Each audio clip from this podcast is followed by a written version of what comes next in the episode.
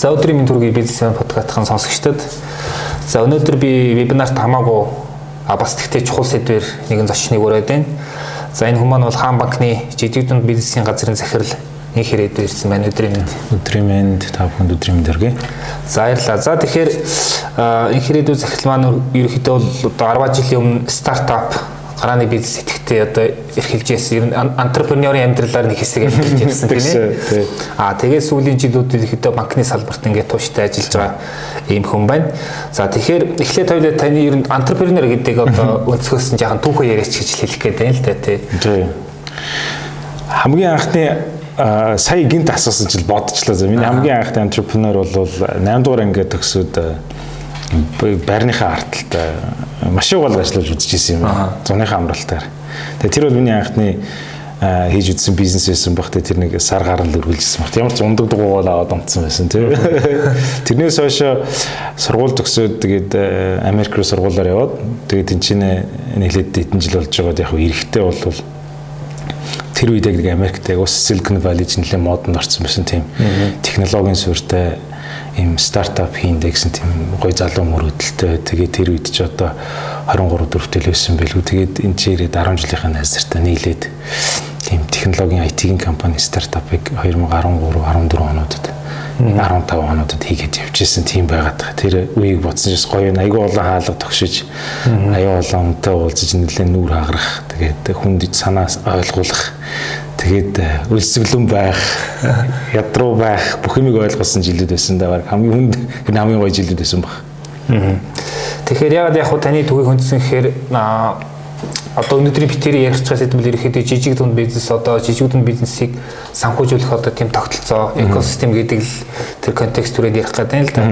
А тэгэхээр одоо мэдээж 10 жилийн өмнө ажиллаж байхад одоо юу гэдгийг бас нөхцөл байдал өөрөөсөн баг. Одоо бас нэг арай өөр болсон. Тэ одоо экосистемийг бид нэр хэрэг дуртай шүү дээ. Гарааны бизнесийн тэ стартап гэдэг юм уу.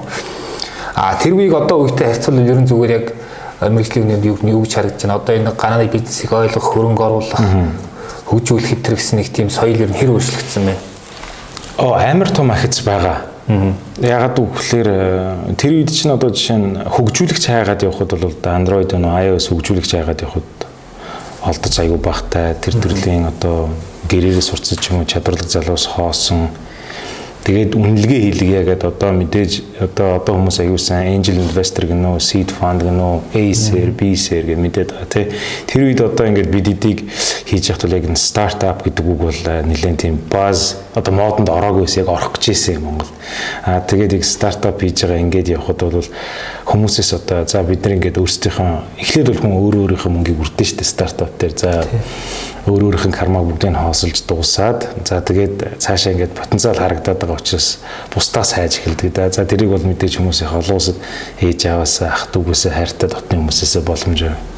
Бидний зүгээс тэгэл яг ойр тойрны хүмүүсээс болон тэгэл мэддэг таньдаг бизнес эрхэлдэг ах ихснэр найз нөхдөсөө бол тодруулаад ингээл явж илээсэн л та. Тэгээд тэгэхэд хамгийн түгээмэл нь бол одоогор тэгээд хідэн төгрөг үрдсэн байгаа Аа тэгээд тэрэн дээрээс нь шууд үнэлгээ хийх гэдэг гэсэн. За одоо бид жишээ нь ойролцоогоор 80 саяг үрцэн байна гэж тэр үнд хэлэх юм бол за би тэгвэл нэмээд одоо 40-ийг өгье тэгээ би компани чинь юу гэдгийг те одоо 33% эзэмшнэч гэдэг юм эсвэл шууд тэгээд тэр орсон. Аа intellectual property гэж нэрлэдэг оюуны хөрөнгийг бол үнэлэх чадвар дээр бол маш дорой байсан. Аа одоо харьцангуй гайгүй. Ягаад гэвэл энэ өөрөө нөгөө бизнесийн аягүй салсгүй салшгүй хэсэг болцсон. Бүх аж ахуйн нэгжүүд IT-ийн IT технологиг тодорхой хэмжээнд нэвтрүүлээд ирэхлээр ингээд экосистем өөрөө мэдээллийн технологи суурьтай бизнесийг хүндлээд эхэлсэн байна.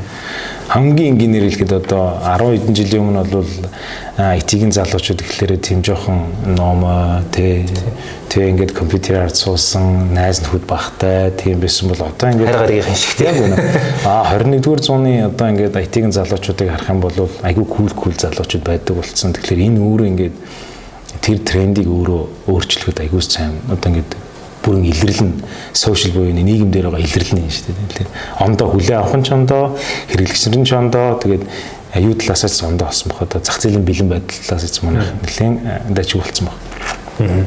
Тэгэхээр яг уу одоо бас нэг нэг ялгааг би танаас асуух гэдэг л да. Гарааны бизнес гэж ярьдаг, жижиг дунд бизнес гэж ярьдаг. Энэ хоёр маань яг зарчмын үед яг юугаар ялгаатай юм тий? тодорхойлтын дагуу гэж. За жижиг дунд бизнес эрхлэгч гэдэг одоо үйлдвэрлэгч гэж хэлдэг юм монголоор тодорхойлтын дагуу болохоор жилийн борлуулалт нь 3 тэрбумаас доош шүү. 200-аас доош ажилтнтай бол гээд ингээд ийм ерөнхий категори тавьсан байдаг. Энэ яг олон улсаас авч байгаа бас формат л та хуулийн одоо тодорхойлтлоос. Аа гарааны бизнес гэдэг бол ерөөсөө анх юм хийх гэж байгаа бизнесийг л хэлж байгаа гэсэн үг тийм. А жижиг дунд бизнес эрхлэгч гэдэг нь бол заавал тийм байх албагүй гэсэн үг тухайн бизнес нь жижигхэн ирнэ хичнээн жил явцсан байсан ч тэр категорид байх боломжтой. А гэтэл гарааны бизнес буюу одоо бидний хэлээд байгаа тэр стартапууд бол миний бодлоор шүү те зүгээр яг анх удаа хийх гэж байгаа хүний анхны бизнесийг гарааны бизнес гэдэг шиг байна те. Миний бодлоор. Окей. За тэгэхээр одоо гол сэдв рүү орох гэж байна. За жижиг дунд бизнесүүд бол одоо яг уу ингээд хятад метатай харьцуулахаар дотоодын нийт бүтээгдэхүүн эзлэх хувь нь нэлээд өндөр байдаг юм байна. А Монголд болохоор бага а гэхдээ ажлын байрыг одоо хангаж байгаа байдлаараа нэлээд дээгүр те. А тэгээд одоо энэ чухал одоо ийм үр гүйцэтгэдэг энэ чиглэлийг одоо энэ үр дүнтэй санхүүжүүлэх тийм тогтолцоо мааг одоо болох одоо болтол ингээд нэг тийм сонирн байгаад байна л да одоо. Сүйдээ бүр одоо ирүүдсэн тийм одоо баахан хэрэгүүд болоо явчлаа шүү дээ. Тэгэхээр ягаад энэ тогтолцоо одоо ингээд сайн хөгжиж ирээгүй энэ дэр та нэг юу гэж бодож байна. Өдөрт 30 жил явж ирлээ шүү дээ энэ дэр. Нүдэж ирсэн. Сая аюу одоо хүндэлдэг нэг хүнийхээ подкастыг сонсч ирсэн чинь нэг энэ талаар надад хариултыг өгсөн. Тэгээд энэ хүний хариултыг би шууд дамжуулаад хэлэх гэж байгаа учраас зөв бурууг нь сонсож байгаа хүмүүс нь ойлгос. Тэгээд надад их зөв санагдсан. Төрөний хэлсэн нөгөө хөгжлийн чиглэлийн хөтөлбөрүүд хөгжлийн банкар гараа явж байгаа томоохон хөтөлбөрүүд биш үү? Одоо улс их оронд хэрэгцээтэй томоохон дэд бүтцэг гэдэг юм уу? Томоохон хөгжлийн шийдлүүдтэй холбоотой хөтөлбөрүүд хөгжлийн банкнаас санхүүжигдээ явдаг. А тэр зүйл маань арилжааны банкар гараа явахлаар арилжааны банк бол эргээд яг тэр нөгөө нийгэмд санхүүжилт хэрэгцээтэй байгаа тэр риски секторууд дээр хүрэхээсээ илүү хамгийн эрүүл гэж үзээд байгаа эргээд буцаан төлөгдөх боломжтой хүмүүс рүү тэр хөгжлийн банкны баниусууд хадгаламж эзэмшигчтэй мөнгийг тараахаа бодно шүү дээ хувийн бизнес. Тэр энэ хоёр байгууллагын өөрөө үндсэн чиглэл нь зөрүүтэй юм аа гэж тайлбарлаж байгаа байхгүй. А тэгээд тэгэхээр хэрвээ хөгжлийн шийдэлтэй ч юм уу ингээ сайжруулъя гэж байгаа хөтөлбөрүүдийг юм сайхан сэтгэлийн үүднээс хийгдэх гэж байгаа юмнуудыг бодох юм бол энэ Angel маягийн хүмүүсийн хийдэг юм арилжааны банкнуудын хоёрыг бол жоохон чиглэл ондоо. Тэгээ энийг зохицуулсан зохицуултуудыг бол гаргаж болох л бахал та. Гэхдээ үнэхээр хоёр ондоо байрлал дээр тоглож байгаа хүн бол ондоо л гэж хэлэх гээд. Тий. А Монгол улсад байгаа энэ жижиг дунд бизнес эрхлэгчдийн хувьд бол хамгийн томоохон одоо миний анзаардаг зүйл бол э, манай харилцагчдын хувьд э, санхүүгийн сахилга бат юм уу одоо энэ мөнгөтэй харьцах харьцаа харьцангуй шинэ юм байлээ Тэрийг одоо чинь хамгийн энгийнээр яаж тайлбарлаж болох уу гэхэлэр би шууд тоогоор хэлчихье тий. Одоо ингээд сая э, Porsche гэх брэнд цоошин 911-ийн шин загварыг гаргаад тэрэн дээр 212 мянган долларын бүх вакцины хамгийн тултал нь авахлын 212 мянган долларын машин гарч ийна гэдэг. Энийг ер нь ямар хүн болох юм бэ гэдэг дээр нэг миний сонсдог Америкийн эдийн засаг судалгаа гэдэг ямар хүн энэ машиныг хөнжих эрхтэй юм бэ гэж яахгүй одоо потенциал. Тэгээ тэнгуут тэр хүн за Porsche-г 20% down payment гэж нэрлээд урьдчилгаа тавиад тэгээд 4 жилийн хугацаатай 7.2% хүүтэйгээр ангиад Америкт авлаа гэж бодоход тэгээд дээрэс нь нөгөө жилийн машины сервис үйлчлэгээний мөнгнүүд байгаа шүү дээ тэр миний ингээд бодлоо хүнд ингээд ойролцоогоо сар алганы төлбөр дээр нэг 5300 доллар төлөгдөх байгаа байхгүй. А тэр 5300 доллар нь тэр хүний бохир орлогын 10% төрж болохгүй гэж байгаа байхгүй. Тэгэхээр өөрөөр хэлбэл жилийн хувьд одоо би тоогийн буруу санааг бол 680 орчим мянган долларын татварын өмнөх одоо ашигтай эсвэл борлуулалттай эсвэл цалинтай бодит орлоготой хүн сарын 5300 долларыг төлөөд юу унах гэж одоо нэг Porsche унах гэж. А эсвэргээр манай бизнес эрхлэгч нар бол яг нэг юм бусдаас дутхгүй гэсэн хандлагатай учраас шууд тэр нөгөө санхүүгийн бодит өгөөжгүй хөрөнгөдөд хөрөнгө оруулалтыг хийж эхэлдэг. Энэ нийтээрээ тийм байгаа учраас ингээд аа буруу үзэгдэхгүй ингээд зөв юм шиг байдгал юм шиг яваад юм санагдтыг тийм. Энэ зүйл өөрөө цагийн ихээр өөрчлөгдөх байх л та. Аа тэгтээ энийгээ дагаад бас нөгөө талд нь арилжааны банкуд гэдэг юм санхүүжүүлэх байгууллагууд бас нэг зүйлийг буруу хөгжүүлсэн. Бид нар дандаа барьцаа шаарч иж бизнесийн зээл болгох. Аа энэ нь бол ингээд бид нар ингээд барьцаатай бизнесийн зээлийг бол дэлхийд тултал төгөлдөржүүлсэн тийм орон гэж боддог. Одоо миний ажиллаж байгаа байгууллагч тэр бусад одоо бид нэр хамт хүчин зүтгэж байгаа бүх байгууллагууд а яагаад гэвэл бид нар зөвхөн харилцагчийг эрсдэл гарууд яах вэ гэдэг үзгээс хараа сурцсан шиг санагддаг. А гэтэл тэртээ тэргүүдээр хэрэгэл харилцагч маань муу эрсдэл донд угаасаа л ажиллаж амьдарч штэ. Тэгээд яах вэ одоо тий. А гэхдээ тэр хүн чинь бас одоо юу гэдгийг одоо бизнес хийх хэрэгтэй, танаад бас харилцагч хэрэгтэй тийм байдлыг яах вэ одоо? Аа за хаста нэг айгүй сонирхолтой байдлаар э, тайлбарлавал одоо хэрвээ хин нэгний санхүүгийн илүүдэлтэй би мөнгийг аваад санхүүгийн дутагдaltaй хэсэг рүү дамжуулах гэж байгаа холбон тоглогчийг одоо санхүүгийн байгууллага банк гэж нэрлэдэг шүү дээ. За тэгээ би тэнцэнээсээ үйл ажиллагааныхаа зардлыг шингээгээд эрсдлийн маржнаа оруулаад ашигын маржнаа нэмээд за ингээд банк бол ингэж мөнгө болж байгаа тий. А тэрнийг би эрсдэлтэй секторууд руу тараагаад байвал зүгээр хүмүүс нь одоо зүгээр явдаг бизнес эрхлэгчэр нь дагаад өндөрхүү авахаас шаарахгүй. Тэгэхээр банк тэртээ тэргүй хүссэн үсээгүй энэ зах зээл дээрээс хамгийн эрүүлийн түүхээс арга байхгүй. Ер нь одоо бодит боломжиндоо аа А тэгэхээр тэр тэмцлийг л одоо ингээд хэр сайн зээлдэг чиг гэдэг юм уу санхүүжилт хэрэгцээтэй байгаа хүнийг таньж мэдэх гэж ийн гэдэг тэр урахаан байгууллагуудын дотоод нөгөө багхгүй.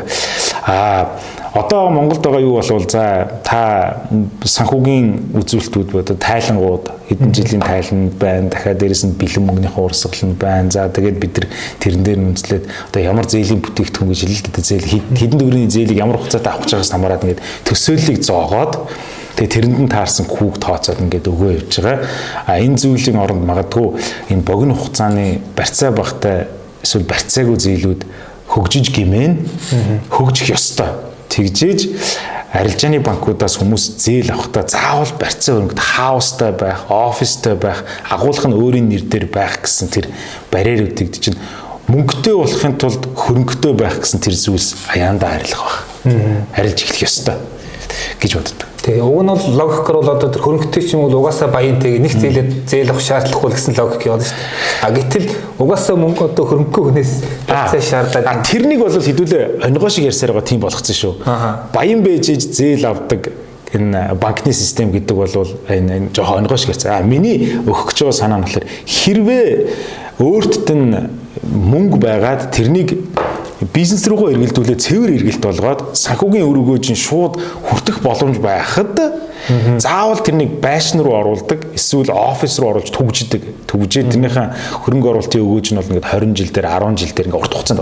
А яагаад тэгж ийна гэдгийг тайлбарлахаар бусад банк санхүүгийн байгууллагаас би зээл авахын тулд барьцаатай байх хэрэгтэй үстэй. Ингээ буцаагаад санхүүгийн байгууллага руу ирэхээр бас тийм болчиход. А тэрний оронд энэ төгжих мөнгийг шууд цэвэр эргэлт рүү ороод бараа материалаа татна уу тий машин тоног төхөөрөмжөөр худалдаж аваад илүү их тавилга хийх ёстой байтал би тавилгын үйлдвэрээ томсгохын тулд 2 тэрбум төгрөгтэй 2 тэрбум төгрөгийн зээл авахын тулд надад 3 тэрбум төгрөгийн барьцаа өргөхтэй гэдэг ингээд буцаагаад ингэчээд тэгэхээр миний бодлоор бол тэр цэвэр эргэлтийг дэмжих боломжтой богино хугацааны санхүүжилтүүд аягүй сайн өгдөг тэр нь барьцаа өрөнгөөс хамааралгүй байх тусмал энэ бизнес эрхлэгчдэд давууч нартай болох. Тэр тэргүй зээлийн түүхэнд байгаад байгаа харилцаа холбоо нь үүссэн шүү дээ. Одоо хоёулаа хооронд бизнесийг яваад байгаа. Гэтэл энэ дээр өргөжхийн тулд заавал барьцаа өрөнгө худалдаж авчаа тэрийг барьцаанд тавиад мөнгө авдаг биш. Зүгээр л шууд мөнгө аваад тэр нь зээлсэн зээлээрээ одоо юугаа цэвэр эргэлтээ өсгөж идэг байх зүгээр гэж боддог. Энэ төрлийн бүтээгдэхүүн.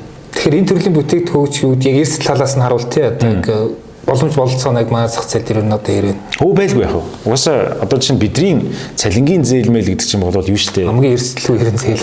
Цалингийн зээл гэдэг бол ингээд би ажилтай надад тогтмол орлого орж ирдэг. Тийм учраас надад ингээд миний цалингийн харьцааг харж байгаа тэдэн сартай тэнцэх мөнгийг өгөөч гэдээ авчираа. Тэрэн дээр бол барьцаа байхгүй штэ. А хэрвээ ямарваа нэг юм болох юм бол ажилласаа гарцсан байлаа төлөх чадваргүй байх юм бол тэр банкны л эрсдэл штэ. Яг хүн амьдрал дээр нэг их ажиллаас гараад байдаггүй учраас эсвэл ажиллаас гарчлаа гэхэд амьдрал зогсох босгох гэдэг учраас дараагийн ажил руу гяс ордог тулдаа л энэ бүтээгдэхүүн яваад байгаа. Гэхдээ тэр бол эрсдэл байгаа. Эргээд тэр эрсдлийг хангуулах юу барьцаа байхгүй шүү байхгүй үүрэг гүйцэтгүүлэх юм байхгүй. Бизнес дээр ингээд явъя гэдэг зарчим л хэрэгтэй болчиход байна. Тэхийн тулд яг хөглөр надад ингээд бэлэн мөнгөний урсгал ингээд байж тээ сар болгоо миний орж ирж байгаа мөнгүүд байж тээ. А энэ дээр үндэслээд барьцаагүйгээр мөнгө байх надад ингээд барьцаа шаардахгүйгээр яаралтай мөнгө орж ирж байгаа. Болж үйл хямд их усүртэй байдаг. Хүү бахтай зээл байж ивэл надад бизнес амар байж тээ гэдэг. Тэр зүйн хизээч дуусч хүслэлтэй. Ер нь хинч хүү ямар ч хүүг хүн гомдлож болно те. 10 ч байсан гомдлно, 20 ч байсан гомдлно, 3 ч байсан гомдлно. А тэгэхээр тэр бол үргэлж тэгрүү тэмүүлж байгаа. Болдог бол татаас байвал буюу бүр хасах руу тэмүүлж байгаа хүсэл те. Тэгэхээр энэ бол энийг л ингээл эдийн засгөөрөө тэгээд банк санхүүгийнхаа байгууллагаар дамжуулаад тэнцвэржүүлж идэг гэхэд. Тэгэхээр одоо яг нөгөө нэг бас нэг чухал сэдвэр орох гэдэг юм л да. Одоо сүүлийн үед нэг кластраар нь санхүүжүүлэх нөгөө юу гэдгийг өртгийн сүлжээгээр бүхэлдэн санхүүжүүлэх гэж нэг ойлголт яваад байна шүү дээ. Гэхдээ энэ бол бас тийм амар ажил бас биш шиг харагдаад байна. Аа гэхдээ танаа банк бас энэ тал дээр тодорхой архицууд гаргаад ах шиг байгаа те. Ер нь яг энэ маань одоо яг манай энэ эдийн мэдийн засгийн нөхцөлд ер нь хэрэг боломжтой байна тий. Ер нь хэр зөв шийдлээ гэдэг дээр яг холиж байгаа тогтож ярил. За энэ үг бол ингээд өртгийн сүлжээний санхүүжилт энэ кластраар нь дэмжих энэ төр гэдэг үгийг бас аюу их микрофоны үг болгочлоо за ингээ мод мод а тэгтээ логик нь бол төдийлөн бас сайн ойлгохгүй ингээд өнгөцхөн үгээр л ихэнх хүмүүс ашиглаж тайлбарлаад байх шиг байна. Миний ойлголтоор миний бодлоор бол өртгийн сүлжээ гэдэг бол бизнесийн бүтэн циклийг эхлээд харж байгаа юм. За бүтэн цикл гэдэг нь түүхий эд бараа материал хагас боловсруулагдаад эсвэл бүтэн боловсруулагдаад эцсийн бүтээгдэхүүн болж гараад гарсан бүтээгдэхүүн худалдааны лангуун дээр очиод худалдааны лангуун дээрээс одоо shelf time гэж нэрлэдэг байгаа. Худалдан авахч худалдан аваад тэгээд тэр худалдан авахчийн төлсөн мөнгө чинь дэлгүүрийн эзний маржинтайгаа түгээлтийн компани маржинтайгаа үйлдвэрлэсэн үнэтэйгээ эргээд анх тэр одоо түүхийд материалыг бэлдсэн циклтэйгээ гээд ингээд энэ циклийг болохоор өртгийн сүлжээ гээд байгаа. Тэгэхээр бүгднийг харахад бол маш төвөгтэй. Ягаад гэвэл энэ чинь дахиад анхны бэлдцийг бэлдэж байгаа хүмүүс дээр дахиад ажил гэдэг ингээд ингээд зөндөө байх бах. Зөвхөн энийг цогцоор нь хараад удирдах чадах юм бол эрсдэл багтай. Яг тэр хин хинтэйгээ юу хийгээд байгааг нь мэдээд байгаа учраас ямар хэмжээний мөнгө урсгал яваад байгааг нь мэдээд байгаа учраас энийг өдөртөх юм бол эрсдэл ингээд ингээд цогцоор нь өдөрдөг гэсэн. А энийг л өртгийн нийлүүлэлтийн сүлжээг нь өртгийн сүлжээг нь эсвэл хүмүүс кластер гэнэ кластер гэдэг нь бөөгнөрл гэдэг. За бөөгнөрл гэдэг нь зарим хүмүүс тайлбарлах ижир төрлийн бизнес эрхлэж байгаа хүмүүсийг цогцоор нь энэ гэдэг янз янз юм байна. Би сая зөвхөн ингээд өртгийн сүлжээ талаас нь тайлбарлаж. Хоёр ондоо зүйл. Тэгэхээр бид нар энийг бид туршиж үзэл яваад байгаа. Гэхдээ асар хэцүү юм байна. Тоглоомыг хэлэхэд маш хэцүү. Аа бидний хамгийн ихний туршсан зүйл бол банк ганцаараа хийдэг юм байна л да. Ягаад гэвэл одоо жишээ нь хаан банкныг туршиж байгаа төслийг би ярихад ингээд малчид э, сүүсүн бүтээгдэхүүний фермийн орчинд хийгээд тэр фермийн орчинд боловсруулсан сүү маань жилийн дөрөв үйлдвэрлэл гарсан адилхан байгаад чанар нь адилхан байгаад тэгэх юм бол тэдгээрээр сүүсүн бүтээгдэхүүн үйлдвэрлэж байгаа эцсийн бүтээгдэхүүн үйлдвэрлэдэг аж ахуй нэгжүүд байнга тогтмол гэрээтэйгээр аваад тэгээ тогтмол гэрээтэйгээр авсан юмаа тогтмол бордуулах боломжтой гэж ерөөс тогтвортой байх. А тэнгүүд 100 болон сүү хямдраал өвөр болвол өвөл болвол өсөөл тэгэл гарц нь багасаад тосгон өөрчлөгдөөд байвал энэ ч эцсийн бүтээгдэхүүн дахиад өөрчлөгдөж байна. За жижигхэн өрхийн хэмжээнд бол байж болно. А гэтэл одоо mass production гэдэг байгаа commercially үйлдвэрлэхээр энэ чинь тогтвортой байх хэрэгтэй шүү дээ маржин нь тий. А тэгэхээр бид эдийн зорж үзсэн нэг зүйл нь болохоор за ингээд тэгвэл юунаас улирлаас хамаарал багтай ийм фермүүдийг санхүүжүүлчихье байна. Тэр нь болохоор ингээд яг одоо сүү сүү фермийн аж ахуй шаардлагатай бүх юм фермийн байшин одоо сүү саадаг машин, сүүний хөргүүрийн танк гэх бүх юмтай нэг байшин. Ферм одоо гадны ферм жижиг хөлбөр. А тэрнийг худалдан авагч нь ирээд өөрөө аваа явцдаг ийм клиент буюу за одоо энэ жишээн дээр л чинь апу. А тэгээд энэ тогтмол худалдаж авах гэж. Тэгээд тогтмол худалдаж авах нь нэг үнээр авах гэж. Тэгэхээр энэ э, фермийн эзэн өөрөө санхүүгийн тооцоол их боломжтой. Хүн ер нь ямар тохиолдолд юу яадаг вэ гэхээр санхүүгийн одоо сахилгаан суудаг эдийн засгийн тооцоол их боломжтой болж байгаа хідээр юуг хизээ зархаа мэдчихэж төлөвлөнө. А тэгэхгүй болохоор ингээд нэг тий а хаагаа хийдэг хүн шиг байх юм бол болохгүй гэсэн. Тэгэхээр бид нар үнийн нэг болгож өгөөд литр тутмын байнга тэдэр авнаа. За 1800 төгрөгөөр авнаа. Жилийн 4 үйлрэл авнаа. Гарц чин өөрчлөгдөж болохгүй, чанар чин өөрчлөгдөж болохгүй. Ингээд тэгээ тэр сүгээ зөвхөн энчээ нийлүүлнэ. Эдгээр хөргүүртэй машин ярьж аваад авангуудаа эцсийн бүтээгдэхүүн үйлдвэрлэлээ дэлгүүрээр зарна гэж. А тэгвэл энэнийг нь фермийн санхүүжүүлсэн бол одоо чинь апууд хэрэгцээтэй санхүүжилт байх юм бол за би одоо энэ сүүсүн бүтээгдэхүүнийг энэ бүтээгдэхүүнээр үүссэн эцсийн бүтээгдэхүүнийг үйлдвэрлэдэг машиныг авах гэж байна. Энийг би банкнаас санхүүжилтээр авна. А тэгээд тэнгуүтээ манай одоо энэ түгээлтийн дэлгүүрүүд гэж байдаг бол энэ дэлгүүрүүд маань за би энэ апугаас бараа бүтээгдэхүүн авах гэж байгаа бүтээгдэхүүнүүдээ одоо манай лангуун дээр 5 сая төгрөгийн бараа апу гэдэг компаниас ирдэгэ бидгээр бид нар тэдгэрийг худалдаж авах шаардлагатай эргэлтийн өрнгийн зээл хэрэгтэй байна гэх. А эдгэрийг хэрвээ санхүүгийн институтс ингээд ингээд ингээд санхүүжүүлээд тэгээд яг бэлэн мөнгөний урсгалыг ингээд бүтэн циклтэй харж чадах юм бол энийг л юу гэж үзээд байгаа одоо өртгийн сүлжээнд орж байгаа бүх хүмүүсийг хянж контролдож болж тэгээ аюу хэцүү байгаа зү ингээд бүгдийг яг холимог нь одоо ямар бэрхшээлүүд одоо яг гарч ийнэ ингээд хэлвэл. За энэ дээр хамгийн эхлээд бол энэ л. Яг л энэ энэ хоёр чинь болохоор голын итгэл буюу эцсийн бүтээгдэхүүн үйлдвэрлэх томоохон аж ахуйн чинь учраа олцсон. А дэлгүүрүүд тэр тэр учраа олцсон. Түгээлтийн цэгүүд учраа олцсон. Одоо энэ үйлдвэрлэх гэж байгаа нөхдөө чинь за хамгийн түрүүнд бүр инээт юм ярэ. Аа за ингээ 25 үнэтэй ч юм уу ферм байлаа гэж бодоход тэр 25 үнэтэй чинь хоёр хүн ажиллаж байгаа. За эзэн өөрөө хаяа очин за 3 хүн байлаа гэж бодоод. А гэтэл энэ юу чинь наадмаар энэ хүмүүс ч бас амармаар байгаа байхгүй. Тий. Хоёр хүн амармаар байгаа байхгүй. Чин нутаг өсрөгөө буцмаар байна. Үгүй энэ чинь тийм биз дээ. Хүмүүс ингээд а 5 хоног амарчаад ш. Гэтэл энэ хүмүүс тийч өхөртэй зуралдаа суугаад чадахгүй. А шинэ жилээр бас ингээд нутаг руугаа ч юм уу эсвэл найз нөхдөйгөө гарч ормоор. Үгүй тэгэхээр тэгэхээр өхөр тэрний чинь мэдэх юм уу? Өхөр мэдэхгүй шүү дээ. Тэгэхээр энэ ферм гав ганцаараа байх юм бол нэг бол хинтэй ч нийлдэггүй зожиг багийг эсвэл гаднаас хүн авчираад найз нөхдөдгөө тэгээ тэнцэнэ зүгээр 24-д олоо тэр 25 өхөртэйгээ байж байгаа хүнийг л олдго юм бол үуч амьдрал дээр боломжгүй. Энэ ингээд өхөрнүүд маань тэр чигээрээ юунаас хамааралтай болчих. Удирдах байгаа одоо ажилчнаас. А тэгэхээр энийг яаж хийх вэ? За одоо хэрвээ энэ ийм түүхтэй бол одоо хүндрлийн бидэд гэх юм. За ингээд бөөнөр 10 шиг айл байжийг жишээ нь те 10 айл маань бүгдээрээ 2 2 3 3 хүн те за одоо тэгээд өстэй ээлжлээд амралт амралтанд явахаар бие биенээ ингээд байдлаар ингээд л шийдэх. Энэ ихний асуудал нь бол энэ одоо ингээд ажиллах хүч. Ажиллах хүч нь ингээд байжгаад хоёрдугаарт нь норм нормативыг хангахдаа ерөнхийдөө энэ юу бол айгүй муу гэж үзэж байгаа. Одоо энэ одоо чинь үхрийн тэжээлийн холцонд ийм байгаад ийм юм нийлүүлж өгөөд ингээд өгнө гэсэн зааварчдгаа байлаа гэх юм бол энэ хүмүүс маань ажиллаж байгаа хүмүүс тэрийг дагдаггүй гэсэн. А хэрвээ бүр ингэж хэлж байгаа шүү дээ. Малчин авчраа тавьчих юм бол бүр дураараа гэж байгаа байхгүй. Би мэдэж юм. Ямар ч стандарт байхгүй болно шүү. Би мэдэж юм гэж байгаа байхгүй. А тэгэл тэр баг өөрөө нөө тарчдаг те. Өөрөө ингэждэг. Тэр ингээд ингээр богино хугацаанд магадгүй өнөө маргаашийн жижиг асуудлыг аргалж болдог гэж магадгүй гэтэл урт хугацаанд институционал байдлаар энэ өрхийн аж ахуй биш өрхийн бизнес эсвэл бичил бизнес руу ороод ирэхлээр чинь заавал төлөвлөгөө стандарт ихтэй болчих юм. Энэ ингээ байхгүй болчих. А хамгийн хэцүү нь энэ хүн энэчнээс зээлэр энэ бүтээгдэхүүнийг ингээд энэ объектыг эзэн болгож авчиад санхүүжилтаа төлөх болох тэр энэ ерөөсөө энэ саяны төлөвлөгөө байхгүйгээс болоод хоцроод эхэлдэг. Нэг хоцроод эхлэх юм бол тэр чигээрээ тэгээд юу яагаад санхүүгийн сахилгат нь алдаа явчих. Тэгэхээр энэ дээр энэ асуудлыг эхлээ сайн шийдэж өгөх хэрэгтэй байгаа. Тэгээ мэдээж түрүүний хэлснээр энэ асуудлыг шийдэхэд бол банк нар хичээж ажиллах хэрэгтэй. Өөрөөр хэлбэл хамгийн боломжтой санхүүжилтийн хямд их усүртэй урт хугацаатай зээлүүдийг өгөөд хангалттай биш.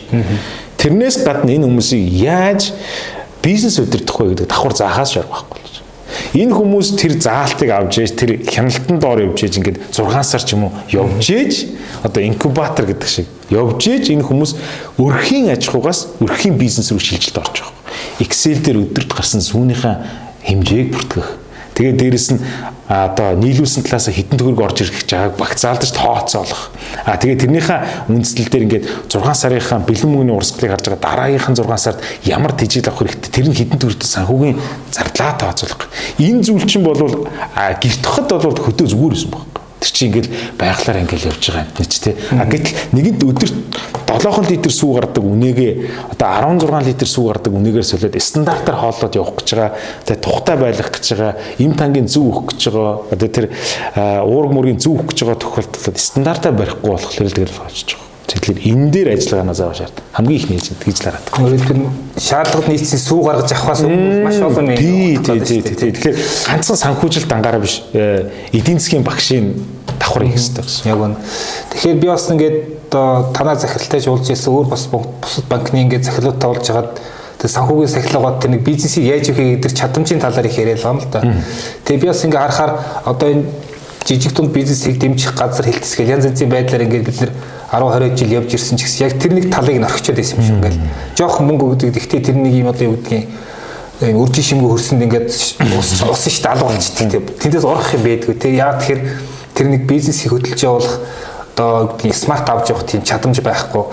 А тэгэхээр сүүлийн үед бас би анзаархад ингээд банкуд ингээд тодорхой ингээд туршлагатай эсвэл ингээд нэг тодорхой сургалтанд суугаад хөтөлбөр тамрагдаад төсөөл авцсан яд зээл үе гэсэн тийм нэг хандлага барьж чадах шүү тий.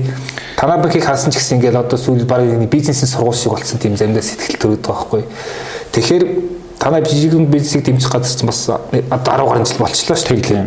Тэгэхээр ер нь яг одоо ингээд эргээд харахад бас нэг тодорхой дүгнэлт хийж болохоор бах тийм ингээд сургаад зээл өгнөд чинь чир үр ашигын шал өөр байх гэдэг тэр тал дээр жаахан дэлгэрүүлж ярил.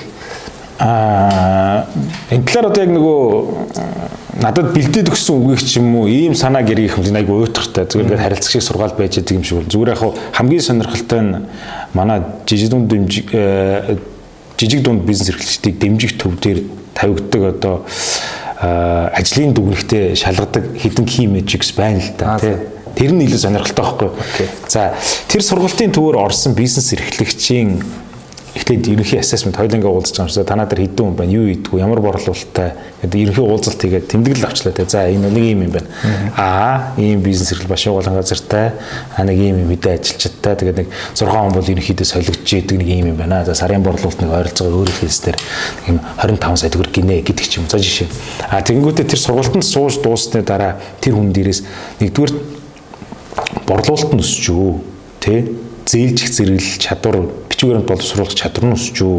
Дахиад дээрэс нь ажлын байр нэмэгдэж үү. А тэгээд тэр тухайн эрсдлийг харж байгаа өнцөг бууж өгсөн үнэлгээнүүдийг заавал хямж авдیں۔ А тэрнийг сургалт хийсэн газар авч тусдаа байдлаар ч хийлгэжтэй. Тэгэхээр хэрвээ тэр сургалт үнэхээр байгаа болсон болвол биш үү те тэр байгууллага дээр хамгийн түрүүнд юу үздэг вэ? Ядаж санхугаа төлөвлөл суртай. Тэгээд зүгээр л өөрийнхөө компани учраас хүн пост залгаж яжэл орсон мөнгнөөс өөрийнхөө хувийн хэрэглийг ингээд салгаа яваад хахаас ихсүүлээд за өөрийнхөө үйлчлэгийг хажуу талд байгаа машин угаалгын газар энэ машин угаалгын газар хоёр яаж алгах хэвтэй юм бэ? За яаж өөр өөрсдийнхээ брендийг өөрчлөх хэвтэй юм? Харилцагчтайгаа яаж эргэх холбоог жоохон селсийг яаж ондоогоор хийх хэвтэй юм бэ? энэ гэдгийг бас төлөж оролдож оролдож ядаж оролдож эхэлдэг. Тэгээ ингээд тэр зүйлсүүдийг шалгаад үзэхлээр ойролцоогоор 86-аас дээш үе тэр нь та эрг гадар төрлүүдийг бодит борлуулалт, хүний нөөц буюу орон тоо, тогтвортой байдал, ажиллаж байгаа хүний тоо гэдэг нэмэгддэг. Тэгээ бид нар энэ судалгааг ерөнхийдөө жил болгон бүтэн хийдэг. Тэгэхээр тэр байдлаас нь хардсан гэсэн. Тэгэхээр өөрөөр хэлбэл айгүй зүгээр нэг сургаа таяад 6 сургаа таяад байгаа бол би ингээд эргээд тайлбарлах за хэдэн хүн ороод гарсныг бол хийж болно. Гэтэл тэр байгууллагуудын борлуулалт яаж нэмэгдсэйг хармаар шүү дээ. Үнэхээр л юм сурсан юм бол тий Тэгэхээр хэрвээ нэмэгдэхгүй бол сургалтанд нь буруу байна эсвэл хүнээ сонгохдоо буруу байна гэсэн үг байхгүй. А хүнээ сонгохдоо бид нар одоо яаж сонгодог гэхээр энэ зөндөө олон салбар нэгжүүд байгаа учраас санал суулгаа болоо ийм төрлийн харилцаанаар хайж байгаа ийм яатлаар тэр боломж нь хязгаарлагдмал учраас бидний орж байгаа сургалтууд ч өөрөө хязгаартай учраас тэгээд иймэрхүү хүмүүс хайж яана гэдэг санал асуулгаа явуулаад онлайнаар болон нэгжээрээ дамжуулж байгаа. Тэгээд тэр төрөөс бас нэг ярилцлага байцдаг шиг шүү дээ. Тэгэхээр яг үнэхээр юм сурах гэсэн харилцагч бол бизнес хэрэглэгч мэдэгдэн. Тэгээд тэдгэрийг сонгохыг хичээдэг гэсэн. Зөв зөв. Одоо яг жижигдэн бизнес эрхлэгч талаас асуумаа л. За жишээ нь одоо би ингээд маш сайн мужаа тий амар гоё гоё тавилга байдаг тий. Яг тэр ажлаа бол маш сайн. А гэтэл үүдгийн над одоо тийм төлөвлөх, санхугаа удирдах, менежмент, бусад аргачлалууд. Бусад одоо юу гэдгийг бизнес чи өөрөө олон зөндөө ажил байгаа шүү дээ. Зөвхөн үндсэн үйлдвэрлэлээс гадна тэр бүгд байхгүй тий. А гэтэл би үнэхээр сайн ята тэр бүтээгдэхүүнийг хийдэг тий. Тэгээд санхүүжилт хэрэгтэй. Тэр хүн яах вэ? Одоо бол зүгээр нэг үгдийн нэг энэ тэндээс нэг төслийн загвар татаж яваад бөглөөд нэг банкнд өгөх юм өсвөлж тэр нэг одоо улсын жижиг дундыг дэмжих газар өгөхдөл нэг тийм оновчтой биш болчиход байна л да. Тэр хүн яг ямар алхах нэвлэр нь хамгийн их хугацаа хамгийн их одоо энерги хэмнэх болж байна. Тэгээд бизнес яаж хурдан эхлүүлэх боломж байна. Хэрвээ би одоо шууд тэр дүр дээр тоглолоо шүү. За би айгүй сайн тавилга мужаа гарын дүүтэй мужаа. Үнэхээр хүмүүс магтдаг. Тий, магтдаг. Миний ингээд э, надад мөнгө байхгүй. За одоо мөнгө байхгүй, компани байхгүй. Бизнес алгуулж байгаа. За одоо тэгэхээр би энийг мөнгөний машин болгохыг хэрвээ би яах байсан бэ гэж шүү дээ. Тий. За би одоо амьдралдаа тэр замаар явж үзээгөө гэхдээ миний харж байгаа олон хүнтэй уулзж байгаа байдлаас харж байгаа сарахад. За хэрвээ би тийм байсан бол эхлээд тим цэгт ажилд орно. Эхлээд ажилд орно. За тэгэхээр би үнэхээр чадамжтай мужаан одоо модны ажил хийдэг хүн бол ямар ч асуудал 200-500 мянган төгрөгөөс дээш цалин юм дээр авч байгаа. Тавилгын үйлдвэр дээр авч байгаа. За би тэр ажлыг хамгийн бага 6 сар юм. 6 сарын. А тэгэхээр би өөртөө зорилго тавиад яг ингээд би тэр хүний дор гэсэн үг шүү дээ, хүний компанид дор 6 сар ажил хийгээд тэр мөнгнөөсөө би магадгүй сар болгон 750 сая гэж хадгална. А тэгээ би тэр мөнгөө цалингаараа авж байгаа учраас би цалингаараа аваад явж байхдаа юу яаж эхлэх вэ гэхээр нийгмийн даатгалаа төлнө. А тэгээ 6 сарын дараагаас гэдэг ч юм уу тодорхой хугацааны дараагаас миний цалингийн зээл авах нэгд чинь тий. А тэгэхээр би цалингийн зээл авах нь өөрөөр хэлбэл би яг тэр компанид ажиллаа 6 сар өнгөрцөн тэгээ миний хоримтлал өөрөөсөө 6 сарыг үржихэд 750 мянга бодох юм бол 5 сая төгрөг гарan болцсон байгаа. А дээрэс нь би цалингийн зээл авах боломжтой болчихлоо тий. А тэгэхээр би одоо яг тэн дээрээсээ надад юу ихтэй вэ гэхээр над би гав ганцаараа ажиллах юм уу эсвэл партнер болох юм уу гэдгийг бодож эхэлнэ. Бизнес болох гэдэг учраас. Гэхдээ би надад байхгүй скиллүүдээ мэдчих. Би болохоор тоондоо муу маркетинг дам уу? Би хүн амьтантай харилцаад шинэ бизнес олж ирэхтэй юм уу? Зүгээр надад өгсөн маш гоё хийдгээл мэднэ те. Тэр би өөрийнхөө хийсэн зүйлсүүдийг баримжуулж аваад, зургжуулж аваад өөрийнхөө одоо хийдэг чаддаг юмудаа бэлдсэн байна гэсэн. А тэгэхээр би дараагийнхаа одоо хүнийг партнерыг олох юм бол партнер гэдэг маань тэр ихэнхдээ л хийж байгаа ажил дээрээсээ одоо захиалагч дээрээсээ гэсэн үг. Эсвэл хамт ажиллаж байгаа хүмүүстээс олддог байхгүй. Чи их сайн юм а, эндэ муу юм а, ийм а, хоёлын ким үү гэдэг юм бол хүний амьдрал дээр жилд нэг удаа гараал ирнэ гэсэн. Үнэхээр сайн юм ч юм бол хүмүүс ингэ. А тэгтээ тэгэл дутуу скилээ хүн хинч нөхөхийг бодно гэсэн үг тий. Тэгээ нэг нь бол жолооч нөгөөдг нь машин эзэмшигчүүлдэг айл алийнхаа юм байхгүй тохиолдолд нийлжил таараа. А тэр боломж олдсон тохиолдолд би а юу яаж эхэлнэ. За одоо нэгэнд би цалингийн зээл авах боломжтой тодорхой хуримтлал эзэн надад хийсэн ажлын дүр зураг байгаа учраас би тэрэн дээрээ Facebook page үүсгээд одоо компанийнхаа мужаан гэдэг студийнхаа логог одоо өөрөө зурч тавиад Facebook page үсгээд за бид хийсэн ажлынхаа зургуудыг тавиад тэгээ спонсор айд тавь. Надад гэхдээ одоогийн байдлаар туризм байшин байшин байхгүй шүү зэ. Би хүн дээр ажиллаж байгаа. Тэгээ би найзаа олцсон байна.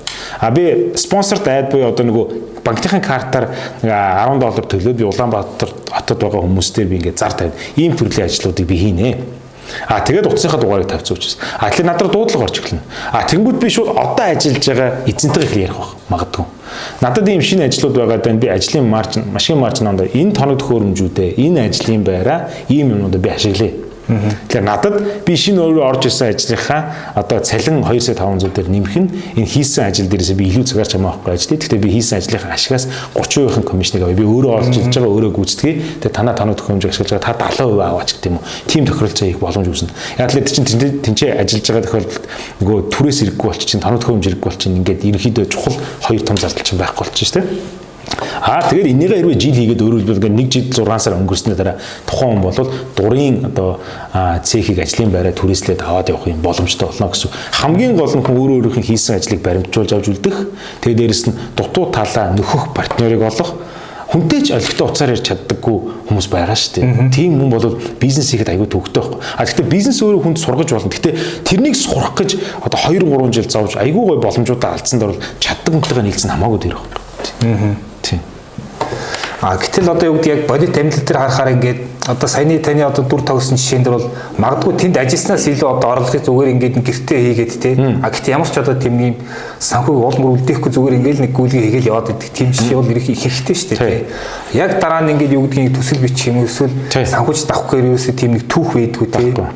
Тэгэхээр эндээс ямар асуулт би асуух гээд нэхэр ер нь ингээд ирээдүйд хөрөнгө оруулалт олох ч юм уу энэ бас нэг юм бизнестэй болчих гэж байгаа тийм. Өөрийгөө ийм санхүүгийн одоо чөлөөнд хүрэх бодол зорилготой тийм хүн бас тодорхой ур чадвартай тийм бизнестэй санхүүгийн тал дээр нь яг ямар дүрмийг баримтлах зүгээр яг яг зөндөл юм яригдах баг. Тэ нэг 2 3 гол зарчмыг та хэлвэл яг аа энэ тал дээр бол би харин арьстай арцсангуу гайгүй хов хүний санхүүгийн төлөвлөлт сахилга батал дээр. Тэгэхээр би энийг бол хэлэх хэрэгтэй юм. Яг л хар багасаа ерөнхийдөө тэгээд нэг юм ажиллаад хураагаад ажиллаад хураагаад ингээд нэг юм одоо аваад олон жил яг энэ зарчмаараа явчлаа. Тэгэхээр миний зүгээр хамгийн түрүүнд хувь бол би хүмүүс ингээд аягүй гоё юм л дээ.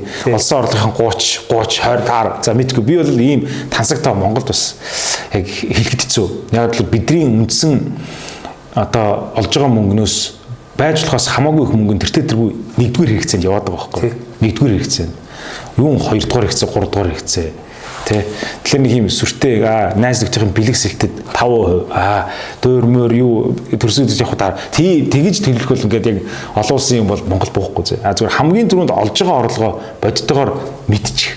Сар тэд болдог багцаагаа мэдчих. Хоёрдугаарт нь яг өөрөө өөртөө цалин тавиас орч тий Ерөөсөө л тэр. Сая хэллээ шүү дээ. Би гэртээ суугаад хүний хөөргөний дотортол засаад мөнгө орж ирээлээд тэгээ гараалт. Нь бодоод тахлаар гэдэг юм сар 6 7 сая төгрөг бол ороо гараавцсан шүү. Гисэн ирнэ карманд наасан юм байхгүй байгаа шүү дээ. Тэгэхээр ер нь бол хүн хамгийн түрүүнд өөрөө өөртөө цалин тавь сурах хэрэгтэй. А үлдсэн нь бол тэр хүний өөрийн мөнгө биш байхгүй тэр бизнесийн мөнгө гэж бодож сурах хэрэгтэй. Ямар ч банкны аппликейшн өнөөдөр данс нээж байгаа заяа. Ямар ч банк л биш. Тэр өөр дээрээ нэг данс нээж. За тэгэд нэг данс нь бол ерөөсөө тэр хүний за халтуур хийлээ гэж үздэг юм бол тэр мөнгө авдаг данс. Тэрнийг л цуглуулад бай.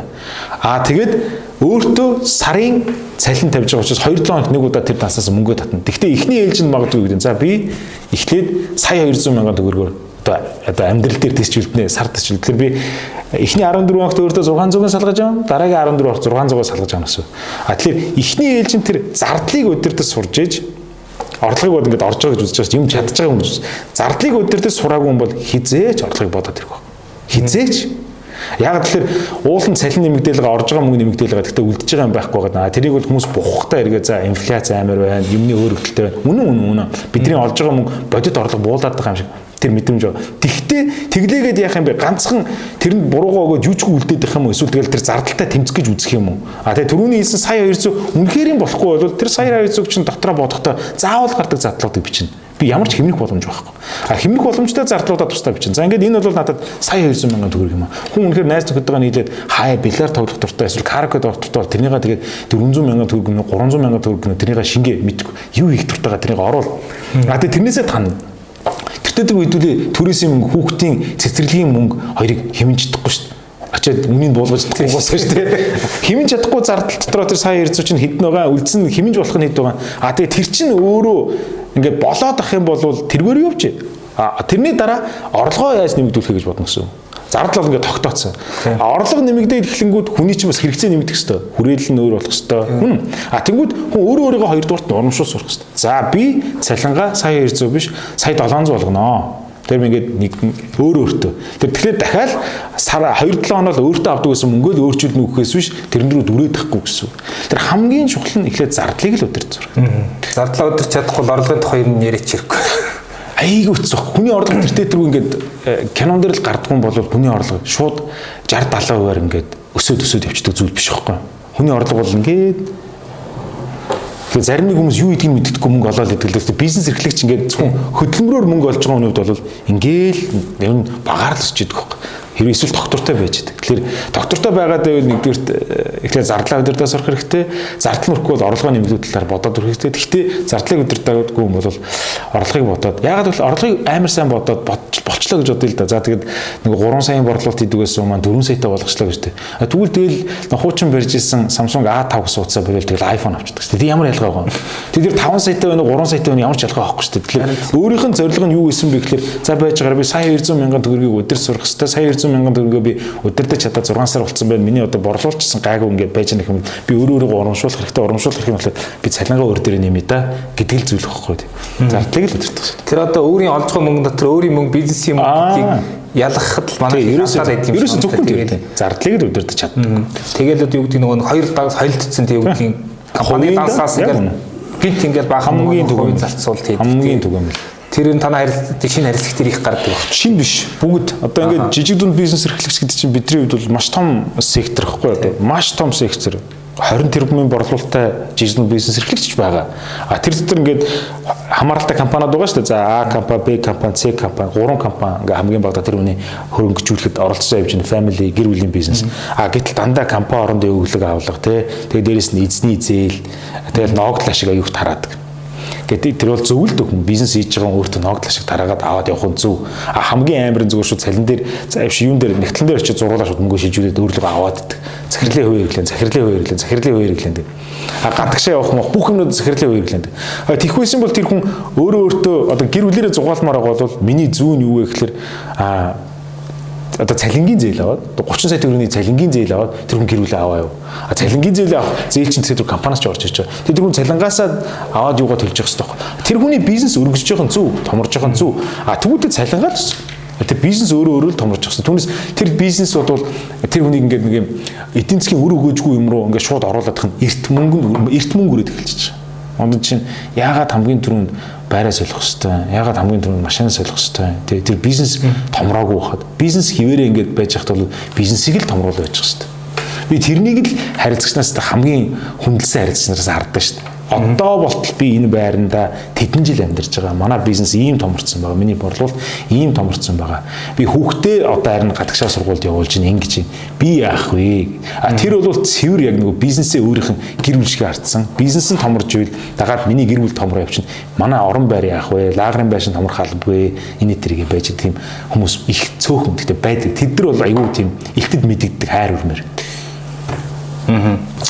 За тэгэхээр хоёулаа саяны ярьсан дээрээс нэг одоо нэг тодорхой нэг тийм жор заавар ингээд дүгнж хэлэх хэлийг бодож л дээ. Үг гэхээр за угаасаа яг уу инфляц энэ гэдэг гадны бидний удирч чадах хүчин зүйлсөндөө байгаа тий. Одоо бодит орлого багасч байгаа энэ тэгээд а гэхдээ ийм хэцүү нөхцөл ч гэсэн одоо би санхүүгийн одоо сайн төвхтэй байхын тулд өөрөөр хэлбэл банкн дээр очиод одоо юу гэдгийг зээлийн шаардлага шууд хангахын тулд би энэ яг ямар гурван зарчмыг баримтлал зүгээр яг одоо за зээлийн сайн төвхтэй бол бас болох гэдэг шүү дээ цааш та тий.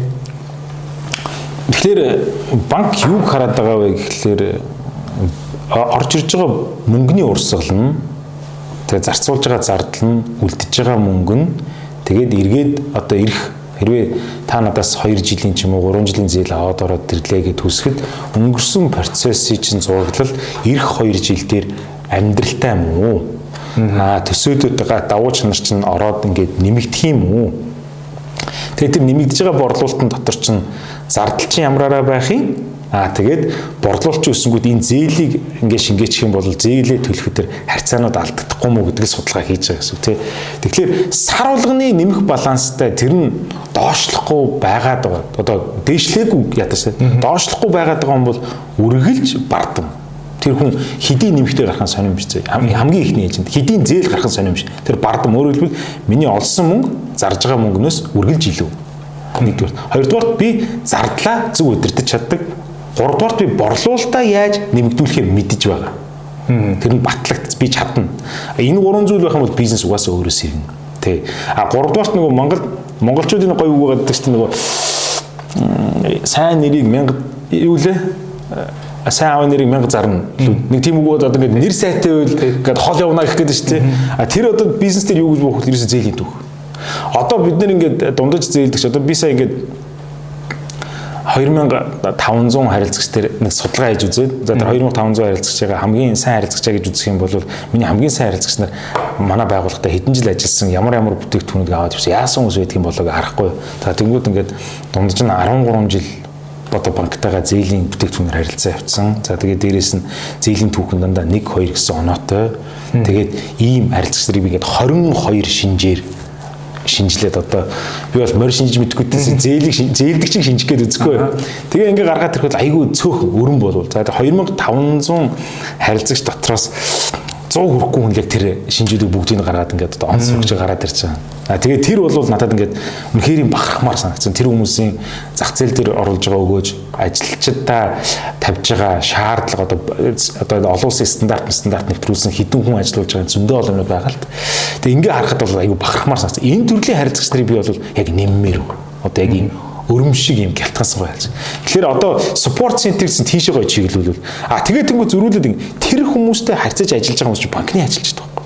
Тэнгуү одоо юу дутагдах вэ гэхээр Ер нь бол 25 настай банкнд ажиллаж байгаа энэ зээлийн эдийн засгч залуу 45 настай 15 жил бизнес хийсэн мундаг хүн зөвлөгөө өгнө гэж баг байхгүй баг яг хэвээр зээл авах гэж байгаа учраас тэр материал затрайлхан дээр бол сонсдог гэж магадгүй. А тэгэхээр бидний зүгээс одоо юуг онцлох гээд байгаа вэ гэхээр энэ зөвлөгөө өгж байгаа эсвэл банктай харьцаад байгаа харилцааны менежер гэж бид нар нэрлэдэг. Харилцааны менежерүүд мэрэгсэн төвшөнд байх хэрэгтэй гэж.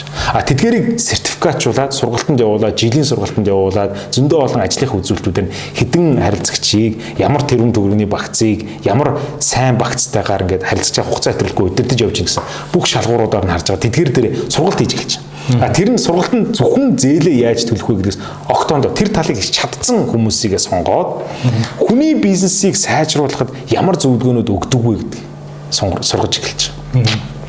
Өөрөөр бизнесийн зөвлөх хөнгөл тийм гэсэн үг байхгүй.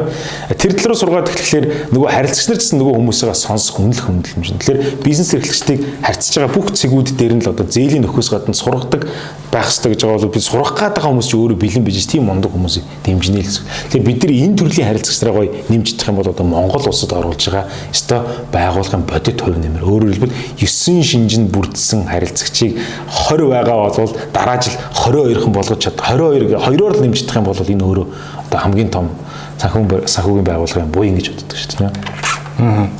Тэгэхээр одоо эргээд нөгөө нэг барьцаа хөрөнгө санхүүжилттэй холбож асуух гэдэг л да. За ингээд угаасаа одоо Монголын банкны системийг харахаар ерөнхийдөө бол угаасаа одоо барьцаа хөрөнгө дээр суурилсан юм зээлийн бүтээгдэхүүн одоо яваад байгаа шүү дээ. А гэтэл энэс угаасаа хизээний өдөр ингээд юу гэдгийг одоо гарахын хаашийн зүгээр. Гэхдээ зөвхөн энэ ингэж явж болохгүй гэдэг нь ойлгомжтой шүү дээ. Одоо бусад үүчин зүйлсийг авч үзэх хэрэгтэй гэдэг. Тэгэхээр ер нь яг одоогоор юу гэдгийг заавал барьцаа түрүүний таны ярьсан тэний яг богино хугацааны юм шийдлүүд байж энэ. А гэхдээ чинь бас бизнес ч урт хугацааны юм доктортой хамтын ажиллагаа санхүүжил хэрэгтэй байдаг. А гэтэл барьцаа байдаг. Өөр арга гаргачлал юу вэ гэж. Өөр арга гаргачлал юу вэ? Механизм юу вэ? Энэ дээр юу нэг бас танах тодорхой судалгаа бодлогын юу гарах га явж л байгаа хта. Тий. Одоо арилжааны банкуд аяг сонирхож байгаа энэ дээр энэ дээр ягаад гэвэл банк тэр тэргүй өрсөлдөөдийнх юм зээл олгож байгаа зээлийн хүү депозит авж байгаа буюу хадгаламж авж байгаа хадгаламжийн хүү энэ хоёрхан зүйл байгаа. Энэ бол нэг юм ялгуурл биш байхгүй. Одоо бүгд ер нь адилхан дөө адилхан дөө. Тий. Тий. Аа тэгэхээр одоо юугаар ялгарх вэ гэхээр за ямар төрлийн шин шин бүтээгдэхүүнүүдийг одоо зах зээлд импакт сайтай, эерэг импакттай, хүнд тустай гэж.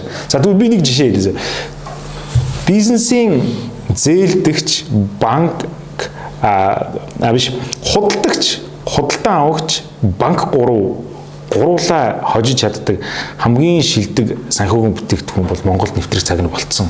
Аа гуруула бүр аз жаргалтайгаар хождог. Тэр нь ямар бүтээгдэхүүн бэ гэхээр яг олон улсад бид нэр э, авлага санхүүжүүлэх invoice financing эсвэл factoring гэдэг үгээр явдаг. За factoring гэдгээр яваа тий.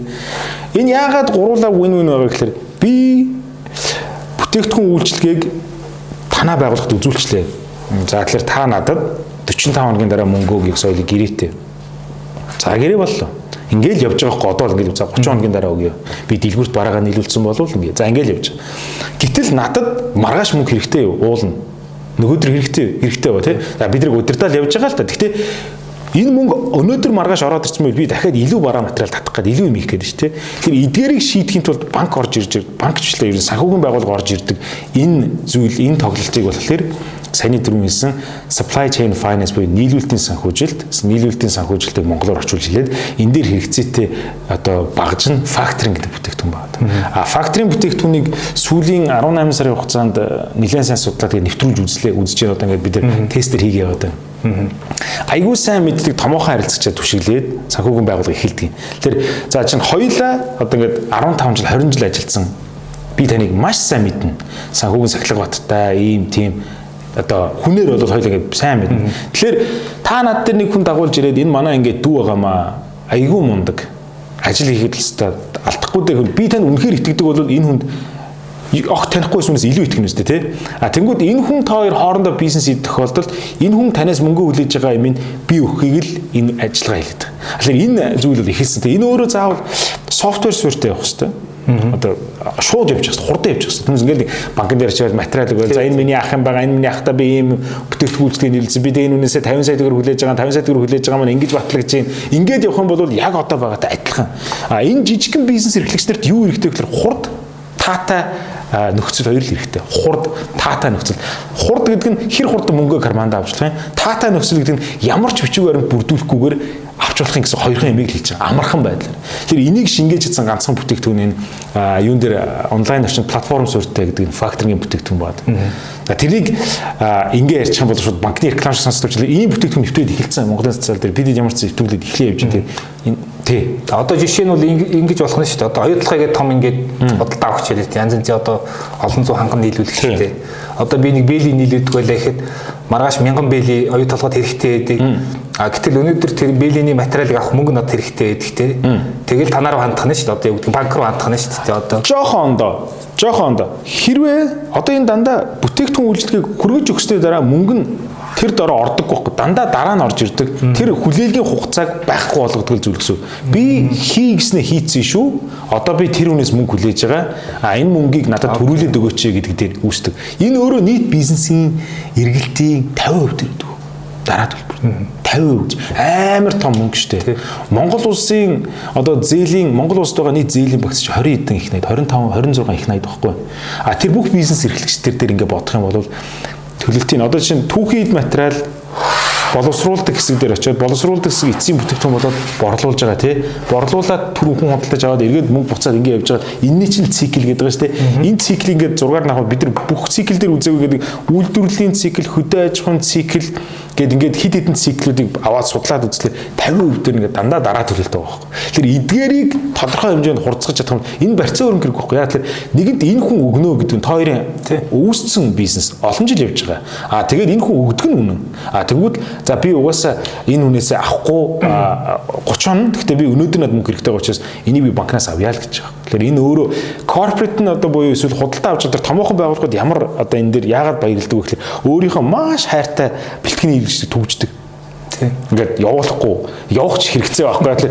Юм аа нийлүүлэнгүүд л одоо би нөгөө хоёулаа сайн найз учраас гэдэг утгаараа би нөгөөхөнд мөнгөний нөгөөд байгаа учраас энэ хайп. А нөгөө талдаа бэлтгэний нийлүүлэгч маш хайп. Яг л би амар том ахын бүтээгдэхүүн үйлчлэгийг гой нийлүүлж өгдөг. Тэрнийхээ хаялгаар би банкнаас шууд мөнгө авчдаг. Тэ? А банк ягаад хайп юм уу гэхээр угаас энэ бэлтгэний нийлүүлэгч энэ бэлтгэний нийлүүлэгч над дээр баахан зээл мэйл барьцаа өрөнгө баахан барьж ирээд зээл судуулыг надад цаг зарцуулахгүй миний хамгийн сайн мэддэг хүнээс юм авах юм чи за тэгвэл би наатах чи шийдэж өгье доо гэд. Ингээд гуруулаа win win болчихж байна. Энэ аяйгуугаа бүтээгдэхүүн энэ бүтээгдэхүүн яг Монголын зах зээл дээр заавал дэлгэх цаг нь болцсон тийм. Сүүлийн 20 жил дэлхийд дээр аяйгуу од явчлаа. Эдийн засаг аяйгуусаа хөгжсөн газар бол санхүүгийн бүтээгдэхүүний баг санхүүгийн хэрэгцээний 70 80 ширхгээр нь шүү дээ тий 70 80% зөвхөн энэ bio finance юугаар явж байгаа. Окей. А хүүн хэд байх вэ? Ер нь ерөөхдөө А энэ хүүний хувьд болохоор ингээд 2 3 юм бодогдох бах. Барьцаатай хүүнээс чүү үнэтэй байх бах. Аа. Тийм. Барьцаатай зээл гэдэг чинь эрсдэлгүй шүү дээ тий. Тэгэхээр би бол энийг эрсдэлгүй гэж зөвхөн энэний найз учраас гэдэг юугаар л итгэж байгаа шүү дээ. Тэрнээс чүү үнэтэй байх. Тэгээ мэдээж энэ өөрөө зах зээл дээр зүг олдрлоо олохын тулд заавал хичээл эхлэхийн тулд заавал нэг юм хүн сонирхож үзэхүйц байж ижил юм эхлэн шүү дээ тий. Аа тэгэхээр одоо ч яах юм нэг нэг төвхтэй асуулт асуух гэдэг юу гэхээр одоо бас нөгөө өртгийн санхүүжилттэй холбогдох гэдэг нэг гинжи хэлхийг санхүүжүүлэх тий. За одоо ингээ ерөхийн ингээд одоо банк санхүүгийн салбарын дүр зургийг харахад зээл зээл зээлийн бүтээгдэхүүний дүр зургийг харахаар за тэтгэврийн зээл одоо цалингийн зээл энэ төр бол яг ингээд эцэстээ хаашаа явж ийм хэрэг ерөөхдөө ингээд нэг юм импортыг санхүүжуулаад гарчаад байгаа байхгүй юу одоо хүн зээл аваад ерөөхдөө тэгэл дотоодоос авч байгаа юм одоо тэр сагсанд нь цөөхөн тийм ихэнхдээ ингээд одоо машин хөдөлж явах юу гэдгийг ингээд гадагшаа хүүхдийн сургууль явах эсвэл одоо солонгостой чимшлэх гээл дандаа л гадагшаа урсаад байгаа. А гэтэл одоо юу гэдэг яг зээлийн яг гой тэр нэг үр дүн одоо тий буцаад юм үйлдвэрлэдэг тэр юм санхүүжүүлэх гоё шүү дээ. Одоо тав тэр ярьж байгаа тэр хөдөө аж ахуйн салбар боловсруулах үйл төр одоо юу баялаг жилээсээ бүтээж байгаа баялаг жилээсээ бүтээж байгаа. Яг тэр банкны тэр бүтээгдэхүүн тийш нэг сайн шингэж өгөхгүй л байгаа тийм. Яг тэр мэдээж тэнд эрсдэл зөндөө байгаа тий. Мэдхгүй чадахгүй тодорхой юм зөндөө байгаа тий. А гэтэл энэ бол явах л ёстой. Тий. Ер нь яг зүгээр арилжааны банкнууд энэ дээр ер нь одоо юу гэдгийг за төр бол мэдхгүй тэгээд одоо 20 30 жил яриад л одоо хөгжүүлсэн байхгүй л ялангуяа боловсруулах хөдөө аж ахуй дээр ялангуяа түүх эдийн сүлжээ гэж бол ер нь одоо баг байхгүй болчоод эсрэг чадахгүй олон жил болж байна. А банкын дээр ер нь юу гэж бодож байна? Яаж энэ хөдөө аж ахуйн бизнесийг нэг юм гоё санхүүжүүлээд, гоё хөгжүүлээд, гоё авч явах уу. Ягаад гэвэл эн чинь хөгжөөд ирвэл банкнд л хэрэгтэй шүү дээ. Энэ цэвэр экспортууд хэлэх хэвээр юу? Ингээд одоо ингээд нэгэнт асууцсан учраас би сайн мэдгүй ч гэсэн чадхаараа тайлбарлах гэж одоо ойлгуулах гэж үзье тий. Хөдөө аж ахуйд шаал тусдаа сектор одоо банкны зээлийн багцад угаасаа айгүй бага хувь эзэлдэг. Яг л энэ өөрөө улирлын чанартай Монголд их хөгжөөгүй, тоглогч нар нь томорч амжаагүй, худалдааны секторт харьцах юм бол тийм үү? Тэгэхээр ингээд мэдхгүй жоор гэсэн. Мэдхгүй хоод. Уул нь бидэрт айгүй чухал юм шиг. А а тэр засгийн газруудтай улс засгийн газар төрөөс хамааралтай хамтын ажиллагаа харьцангуй гайг болоод байгаа арилжааны банкуд.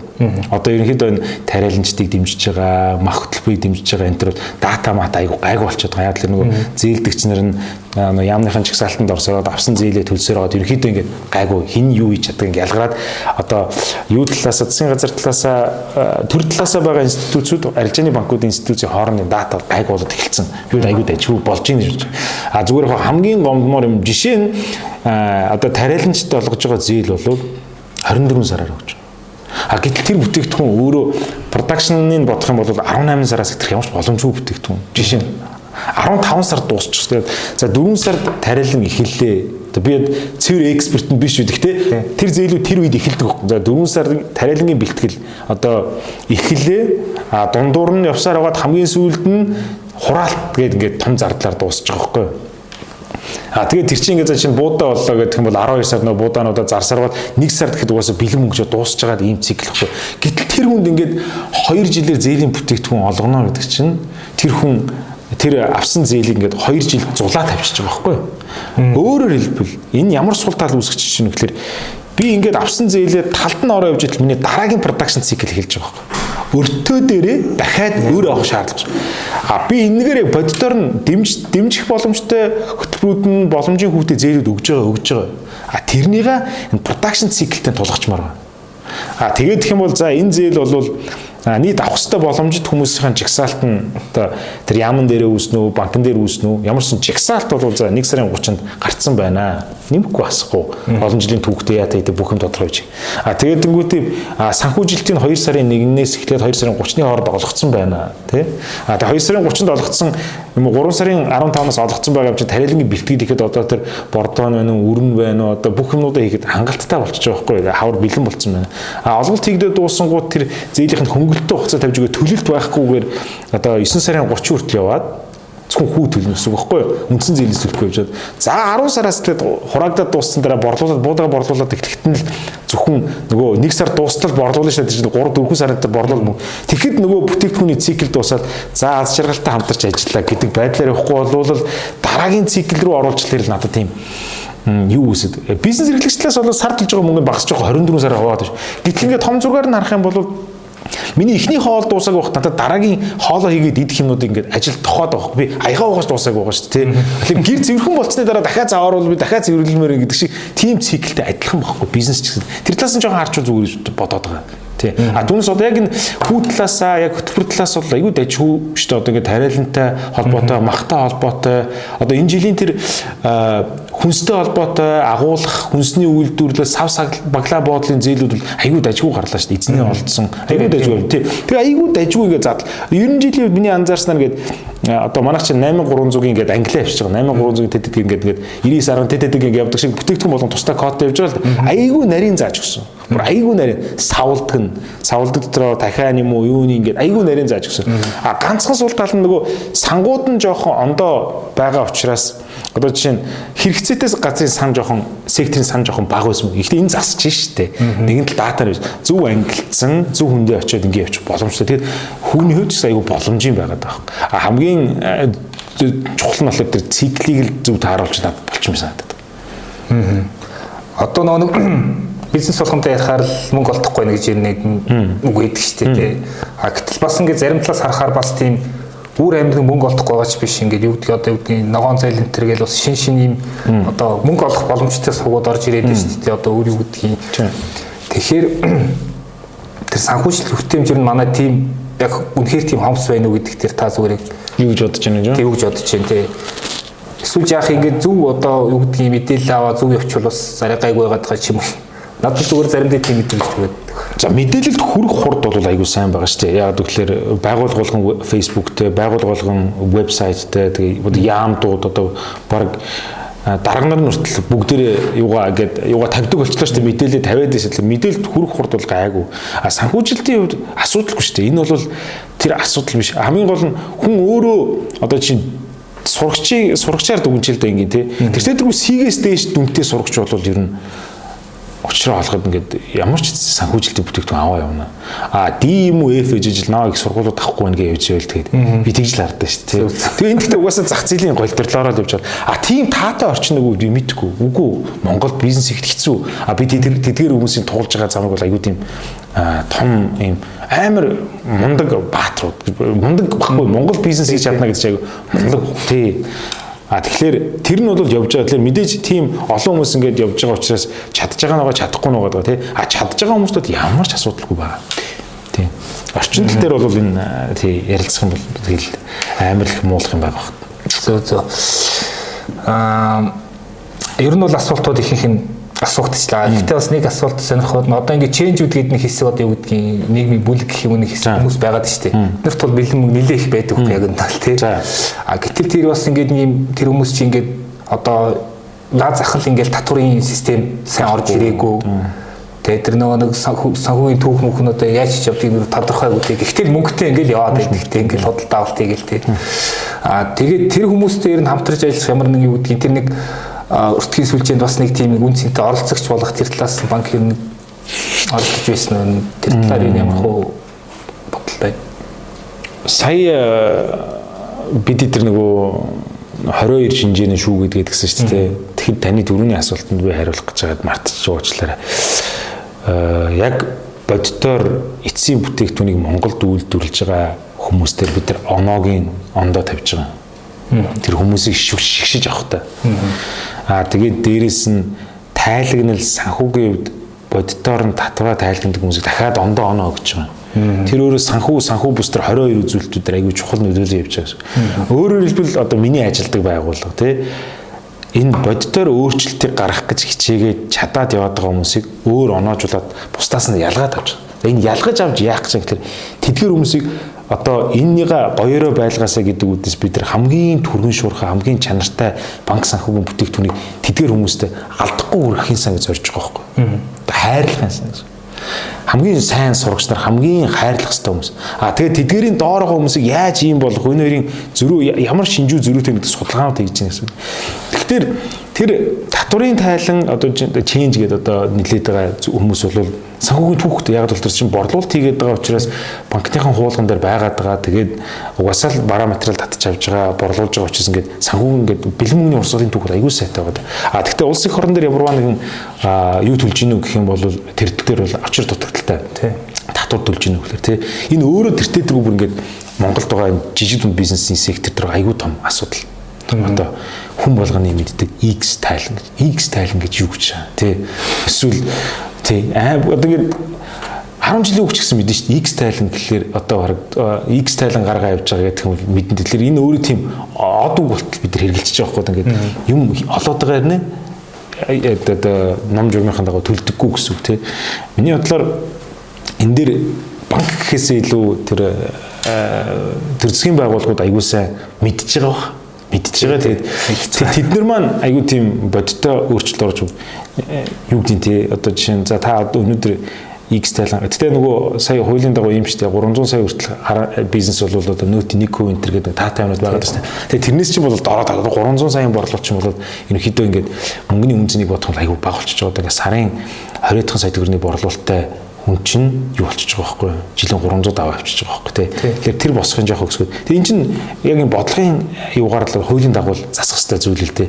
А тэгээд зүй нь одоо юу гэдэг за бүх хүмүүсийг хуулийн дагуу таксжуулаад одоо татвар аваад одоо байгаагаас их авах боломж байгаа бол тэгэл гоё айгуугаа буулгаал буулгаал бүгднээс нь авахаа бодсон дээр юм шүү. Тэгээд зөвхөн төлж чадж байгаагаас нь өндөр тагс аваад ингээ яваад байгаад айгуу харамсалтай санагдаж зүгээр яг хөө. Их тоог нь хараа сууж байгаа юм. Тэгээд бид нар дээр чи орж иж байгаа энэ зээлийн судалгаан дээр орж иж байгаа материалууд ингээ харахад бүх тайлангуудыг харж байгаа шүү дээ. Тэгээд болохоор бол шудраг хүн болгоныг таксдэж чадах юм бол татвар буух боломжтой л гэж боддог шүү. Тийм. Эмнэлт угаас энэ ийм албан бус секторт ингээд бас их мөнгө ингээд ийм төвчгчээд байгаа тийм ингээд ийм санхүүжилтийн тийм хяналтгүй тий? Сүлжээнд орж ирч чадахгүй тий. Дээр нь бас одоо юу гэдэг бас энэ үйл хөдлөх дотор чинь баахан мөнгө ингээд бетон болоод хөдлөхгүй хөдлөхөр байж байна. Гэтэ бидний юуг одоо ингээд? А тий. Наа чи хоёр чухал юм хэрэгцлээ тий. Эхнийх нь болохоор ингээд алтан бус мөнгө гэ тий.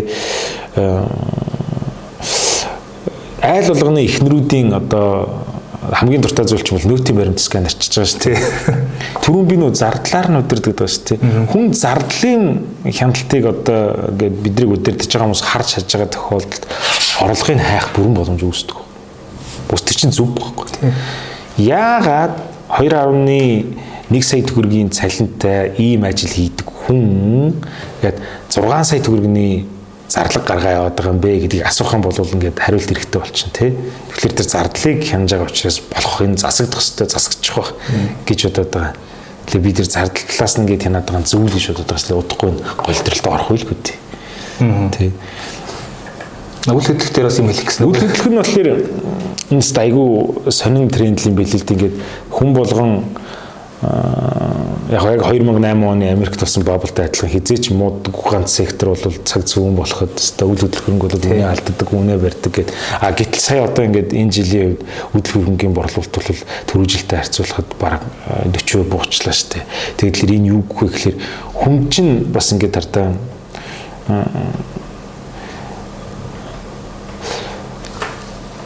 нэгдүгээрт хадгаламжаас илүүдэлтэй мөнгнөөс орлого олж болно тий за хүүгийн орлого олж болно. Хоёрдугаарт хөрөнгөний зах зээл дээрээс олж болно. Одоо хувьцаа бонд за гуравдугаар тэр магадгүй coin moin гэдэг бах би сайн мэддэг байна а дөрөвдүгээрт одоо ингээд үнцийн өсч идэг үйлчлэхэр худалдаж аваад тэрнийга түрээсэлт юм уу нэмэлт орлого гэсэн. А гэтэл одоо ингээд зүгээр хамгийн энгийнээр үнгүү зэг юм рүү ороод үзэх юм бол тэр ингээд тим юмаа гэдэг ойлголтонд хит автсан байсан учраас маневрлах боломж байхгүй. Банкны зээлийн хүнүүд пак гэд буучингууд боломжтой мөнгөө coin руу оруулж бахан олдоод эхлэнгүүт хувьцаа нэгэнт хоёр дахь зах зээлийн юу өгж байгаа учраас хүмүүс хүссэн үсээгөө үл хөдлөх рүү ингээд шааргээ гүйлгчиж штэ. А тэгээд тэнгууд одоо хэдүүлээ зүгээр үнгүү зэг юм рүү ороод ингээд харах юм бол түрээсдүүлэн гэсэн байрны тоо, зарна гэсэн байрны тоо хоёрыг хараад үзээрэй заяа. Зүү нь болвол дэндүү хилүүдэлтэй байгаа гэдэг шууд хэлнэ. Дэндүү хилүүдэлтэй байгаа. А тэг энэ дэр correction орох ёстой юу? Орох ёстой байхгүй. Тэртээ тэргүй би борлуулж чадахгүй юм чинь их усүрийн зардалтайгаар зээлсэн мөнгөөр авсан юм бол хамгийн энгийнээр хэлэхэд зүгээр юм шүү дээ. 30% маржин хийх гэж жил хүлээгээ суух уу? 5% маржин гаргаад яг одоо зарах уу гэдэг тэгтэл хүн болгон бодоод эхэлсэн. Одоо яг л зарагдахгүй хугацаагаа мэдчихэж байгаа хэрэг. Одоо эйженси нэр хилээд өгч байгаа болтой. Би энэ байшин зарыг тэдээр би хэр удах болохоор за магадгүй таны энэ бол 2 сар зах зээл дээр байхад энэ гарчихгаа хэлчих واخ ер нь одоо хөгжсөн учраас тий. А тэнгууд нөгөө хүн чинь за хэрвээ та магадгүй 6 сар ч хүлээж магадгүй гэдэг юм бол за бид үл тэд хүртэл буулгуул яах вэ гэдэг нь тэгвэл сондоо шүү гэж ярьж байгаа хүн уусаар балансалж байгаа. Тэгэхээр тэгэл ингэж л зах зээл өөрөө өмнөд тохируулж байгаа байхгүй тий. А тэгвэл түрүү түрүүжил баригдсан тэний өмнөжил баригдсан прожектуудын хувьд бол нэг хэлгээл холбоотой байсан солиод нэгж метр квадратаар байгаа үн тэр тэр үнэтэй гарцсан. Хүн бол ингээ бууж өгөхөд аягүй хэцүү байхгүй. Нэгэнд 500 саяар авсан ямиг бол эргүүлээд 500-аас доош зардаг аягүй хэцүү. А тэгтээ а тэгтээ тэр мөнгийг гаргаж аваад өөр оппорт нөгөө алдагдсан боломж алдагдсан боломж руу оруулах боломж хүн тэгэл маневрлахаар бодно. Ингэж л угаасаа юу өөрөө зах зээл голтрлороо явна л та. Тэр тэр бол аюу өргүү зүйл хийсэн л хийсэн. Тэгэхээр Монгол төр хямралын дараа яг энэ манай талаар гаднаас орж иж худалдаа авалт тэгээгүүл Америкт хямралын дараа бол хятадаас орж ирж байгаа Азиас орж ирж байгаа үйлдэл худалдаа авалт бол их нэмэгдсэн Америкуудын худалдаа авалт. А тэгэхээр манай тал бол гаднаас орж ирж аваагүй байхад хөөрөөд үснэ гэж хүмүүс сонголтгүйгээр айсандаа бүх мөнгө гудсан дор хийхгүй банкд ихлэр хүү байхгүй банкчуугаас тэр хүүгээ болгоцсон. Тэгээд тийш аваачаад зигцэн тэнгууд одоо ингээд баахан өвлөд хөрөнгүүд ямар ч эдийн засгийн бодит өгөөж байхгүй болгоод үлдчихсэн. Тэгсэн мөртлөө урсгал зардал нэхээс нэхээс ууж идэг төвчдсөн. Маш их мөнгө төвчдсөн тий. Тэгэхээр энэ бол ингээл коррекц орох байх гэж би тий. Тэгэхээр энэ жил борлуулалт нь тэгээ бууж байгаа юм. Зах зээл өөрөө өөрийнхөө тавлагч тэгэл застгал зарчимтай юм чи. Заавал энэ дээр бол өөр нэг зочин авчирч ярих хэрэгтэй байна яг тий. За баярлалаа ингээд хоёлаа подкаст өндөрлөө тий. За бизнес подкастын өнөөдрийн дугаартаа хаан банкны жижиг дунд бизнесийн газрын захирал энэ хэрэд орслаа. За тэгээд тэр ихэд ингээд жижиг дунд бизнесийг санхүүжүүлэх тогтолцоо гэдэг юм том сэдвийг ер нь тавиад ярьчлаа. За баярлалаа. За баярлалаа.